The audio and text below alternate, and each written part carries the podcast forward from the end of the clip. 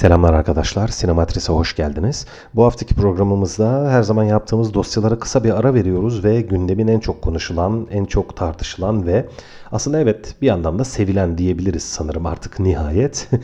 Ee, Zack Snyder's Justice League, Zack Snyder'ın kurguladığı ve yaptığı Adalet Birliği filminden bahsedeceğiz biraz.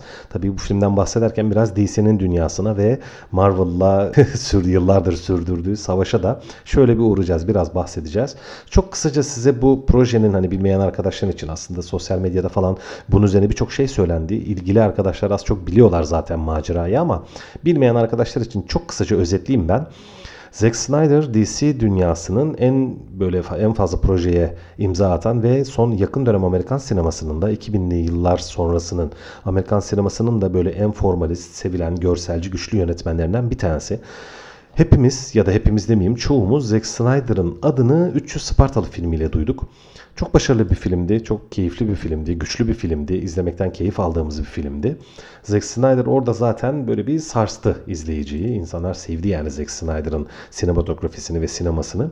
Ama aslında Zack Snyder biraz böyle nasıl diyeyim görsel tarafı, işin teknik tarafına oldukça güçlü biçimde sarılan, bunu çok başarılı bir şekilde kullanan sinematografisi yani güçlü ama anlattığı öykülerin işte alt metinlerine, psikolojik açılımlarına ya da belki politik tavrına, siyasi tavrına çok da fazla özen göstermeyen, biraz böyle çala kalem davranan bir yönetmen olarak eleştirilmişti eski filmlerinde.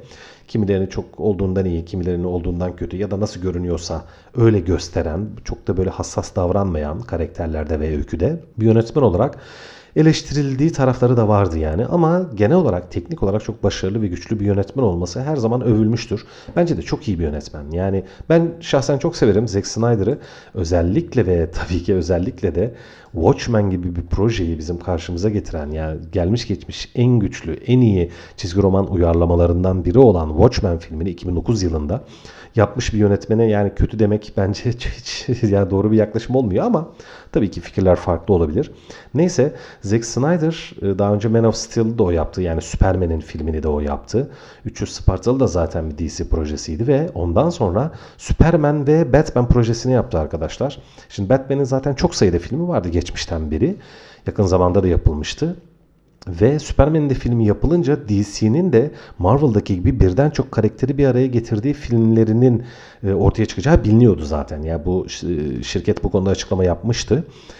Ve çok büyük umutlarla, çok büyük beklentilerle Batman ve Superman filmi gösterime girdi ancak çok büyük hayal kırıklığı yarattı hiç iyi bir film değildi ya bence de. Ben kötü diyemiyorum. İnsanlar hemen böyle yıkıp geçiyorlar yani linç ediyorlar filmleri. Ay çok kötü, çok iğrenç. Hayır.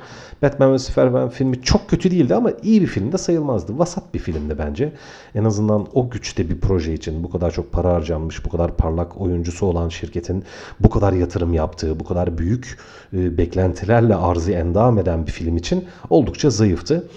Şimdi Zack Snyder Ondan önce de zaten Superman filmini de yapmış yönetmen olduğu için, Batman ve Superman'i de yapmış olduğu için e, o zaman için söylüyorum gelecek yıllarda DC'nin birçok süper kahramanının bir arada olacağı yani şu an için Justice League olan, Adalet Birliği olan filmlerin de aslında başlangıcını ve yapısını kuran yönetmendi Zack Snyder.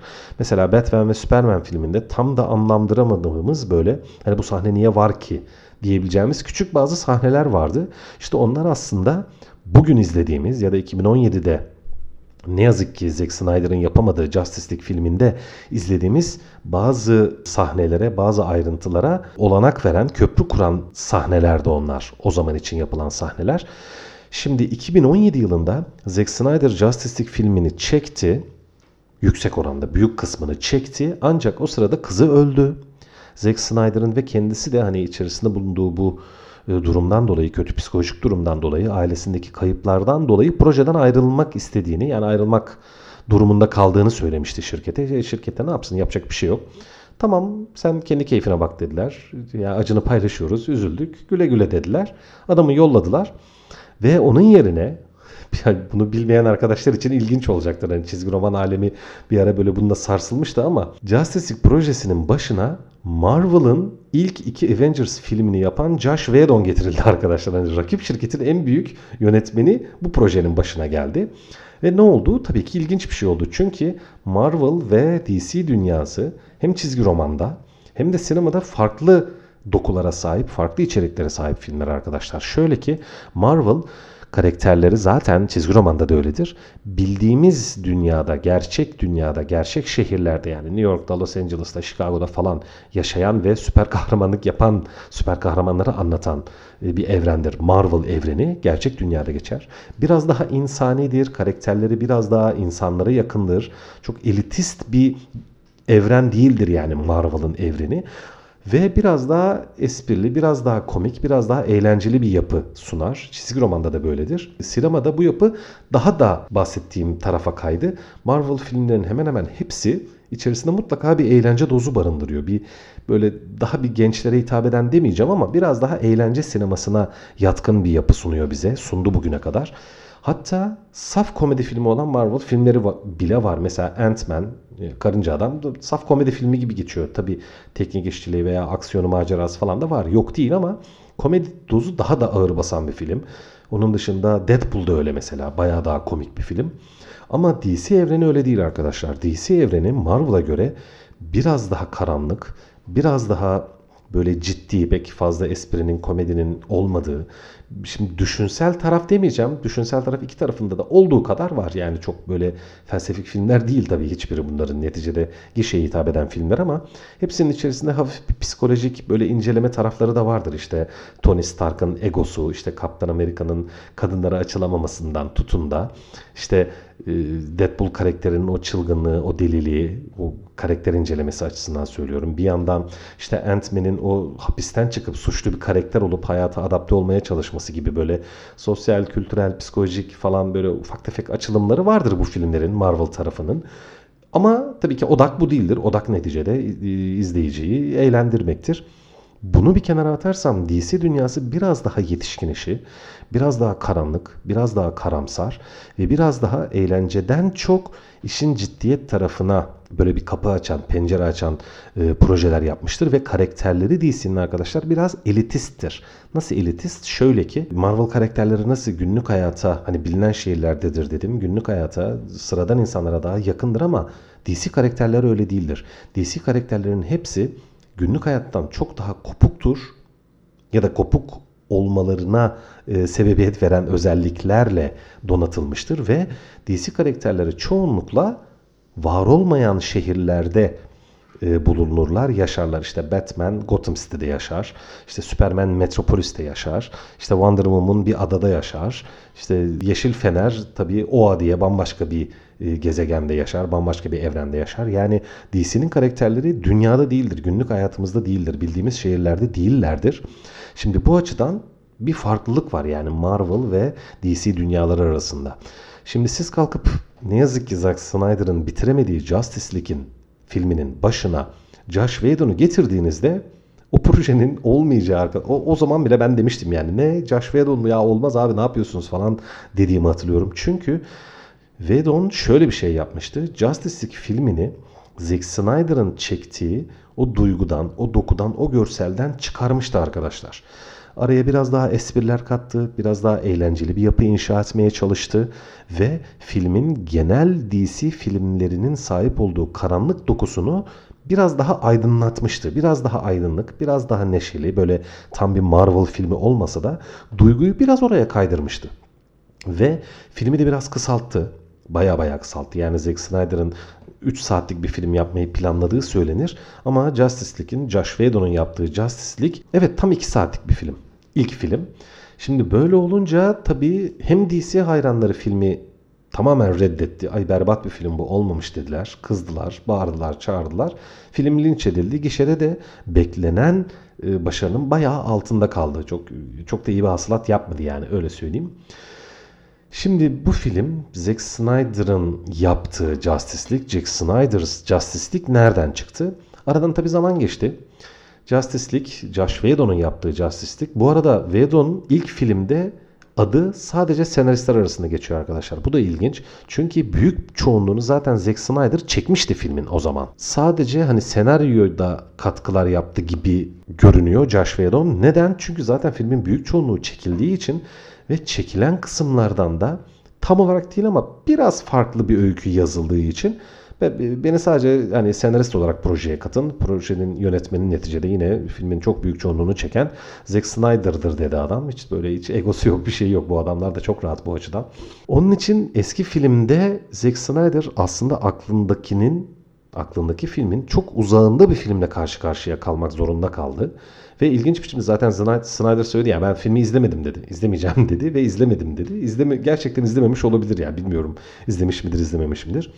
Ama şimdi aradan yani 3 yıl 4 yıl gibi bir zaman geçti. Hani adam biraz daha hayata elbette hani çocuğunu kaybetmiş ama neticede hayata bir şekilde dönmüştür ve elinde çok ciddi bir görsel şey var yani depo var resmen kendi çektiği yani onlarca saatlik görüntü var ve aklında tabii bir Justice projesi var adamın. Bunu açık söyleyeyim ben bekliyordum. Yani o zaman o film o kadar başarısız olmuştu ki ve Zack Snyder'ın aklında canlandırdığı projeden yani tabii onu tam olarak bilemeyiz ama az çok ben veya benim gibi DC dünyasını seven bilen insanlar o filmin hiç de Zack Snyder'ın bizim karşımıza getireceği bir film olmadığını zaten fark etmişlerdi. Ya bunu ben tahmin ediyordum. Yani Zack Snyder hani aradan zaman geçer mutlaka bir kendi kurgusunu falan yapar diye tahmin ediyordum.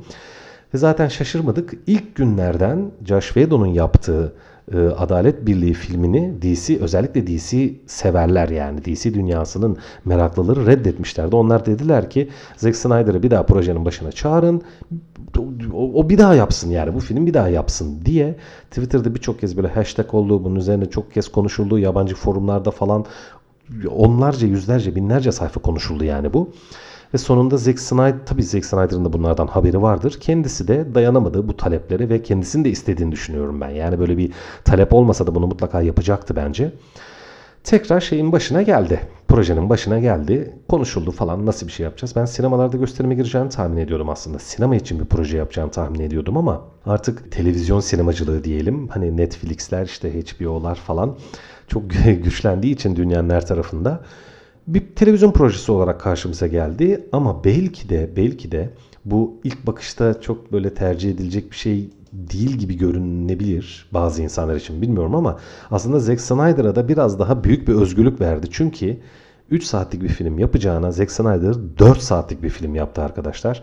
Normalde sinema tarihinde hani bir gişe filminin 4 saatlik bir gişe filmi diye bir şey yok. Yani 3 saatlik var. Birçok 3 saatlik gişe filmi geçmişte gösterime girdi. Yani Avengers'ları falan geçin çok daha yani atıyorum Titanic 3 saatti mesela. Öyle düşünelim yani. Onun dışında Yüzüklerin Efendisi veya Harry Potter'ın son bölümleri gibi yakın zamandan örnek veriyorum. Birçok 3 saatlik film var.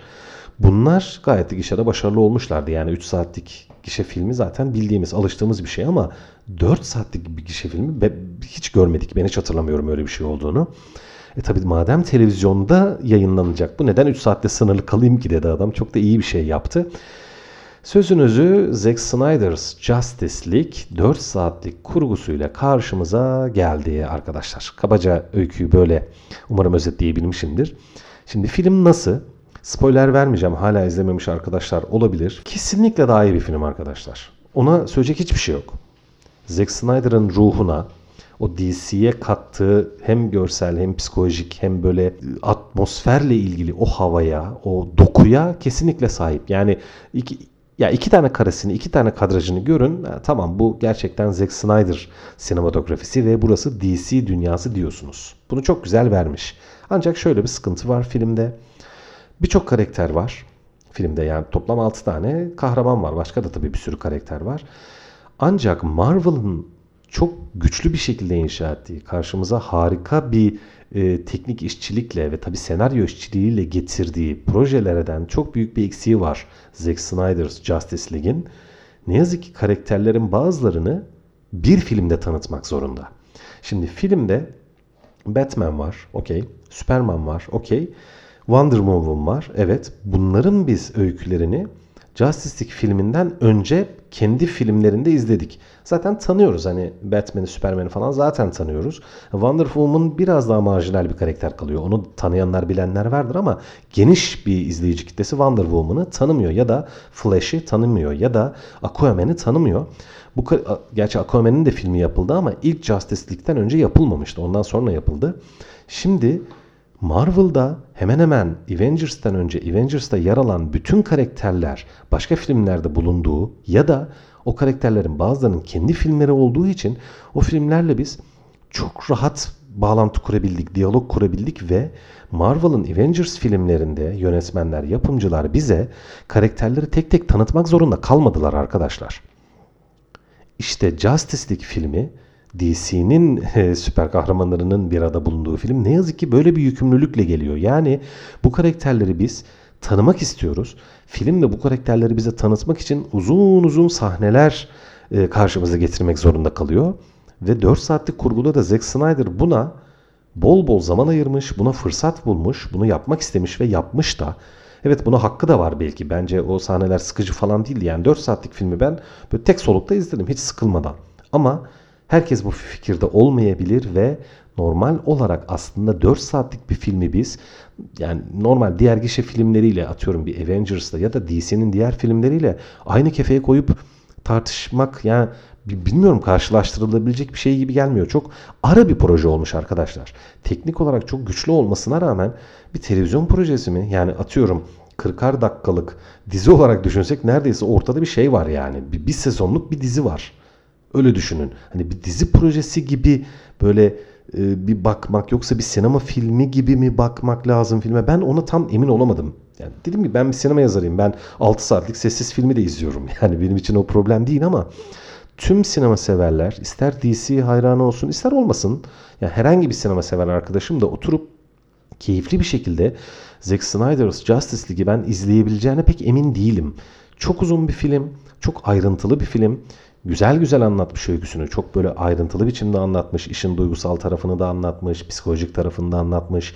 Karakterlerin birbiriyle etkileşimini gayet ayrıntılı biçimde anlatmış. Tamam her şey güzel ama e 6 saat yapsaydı daha mı iyi olacaktı? Hayır. Bunu diyemeyiz değil mi? En uzun film, en ayrıntılı film, en iyi filmdir diyebilir miyiz? Hayır. İşte Justice League'in ben, Zack Snyder's Justice League'in bu açıdan çok doğru bir ayrıntı düzeyi tutturduğuna pek ikna olamıyorum. Gerçekten şunu diyesim geliyor. 3 saatlik bir film olsaydı ve sinemada izleseydik daha etkileyici, daha güçlü bir film karşımıza gelirdi gibi hissediyorum ben. Her ne kadar bu 4 saatlik kurgudan memnun ve mutlu olsam da. Filmin ana öyküsü değişmiyor. Neticede yani hani işte bir kötü karakter var. İşte üç tane bir araya getirildiğinde bir araya getiren kendisini, kendilerini bir araya getiren kişiye büyük güçler bahşeden bir e, sihirli kutular var. Böyle öyle söyleyeyim. Çok diyorum öyküyü anlatmak istemiyorum. Hani öykü aynı. Öykü çok değişmiyor. Ayrıntılar bayağı değişmiş. Tabi sayısız sahne film iki katına çıkmış. Karakterler çok daha derin anlatılmış. Az önce bahsettiğim hani Josh Whedon biraz daha Avengers Marvel evrenindeki o daha neşeli, biraz daha eğlenceli ve biraz daha aydınlık hani görsel olarak daha aydınlık doku demiştim ya ilk Justice League filmi öyleydi. Onun getirdiği o eğlence ve aydınlık taraf tamamen ortadan kalkmış. Bu film gayet karamsar demeyeceğim ama biraz daha karanlık, biraz daha ciddi o genel DC'nin yapısı, görsel yapısı filmde var ve espri valla ben pek espri hatırlamıyorum yani çok küçük böyle gülümsediğimiz falan anlar var tabii. O kadar da böyle bir kapkaranlık bir film değil doku olarak ama genel olarak DC'nin hissiyatını aynen barındıran bir film olmuş. Ben başarılı buldum, sevdim, keyif aldım ancak yine de yine de ne yazık ki Justice League projesi hani Avengers'ların falan tabii çok arkasında kalan bir proje oldu. Hani araya giden bir proje oldu arkadaşlar. Bu çok üzücü. 2017 yapımı olan Justice League zaten çok iyi bir film değildi. Orta karar bir filmdi. Hani bu filmle işte o filmde yaşanan kayıp ya da işte karşımıza gelmeyen o güçlü e, DC projesi işte karşımıza geldi diyemiyorum yani. Hani ilk filmi izlememiş olsaydık ya da hiç bilmiyor olsaydık ya da hiç o film yapılmasaydı bu film öyle bir etki yaratır mıydı?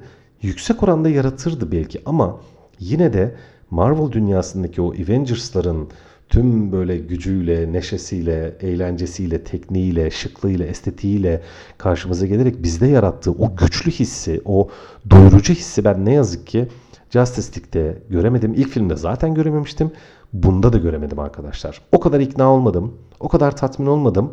Ama tabii benim beğenim hiç kimse için şey değil, bir kıstas değil ama birçok arkadaşımın da, birçok sinema sever arkadaşımın da Zack Snyder's Justice League'i izlediğinde keyif alacağına, mutlu olacağına, iyi bir film izlediğine inanacağına inanıyorum.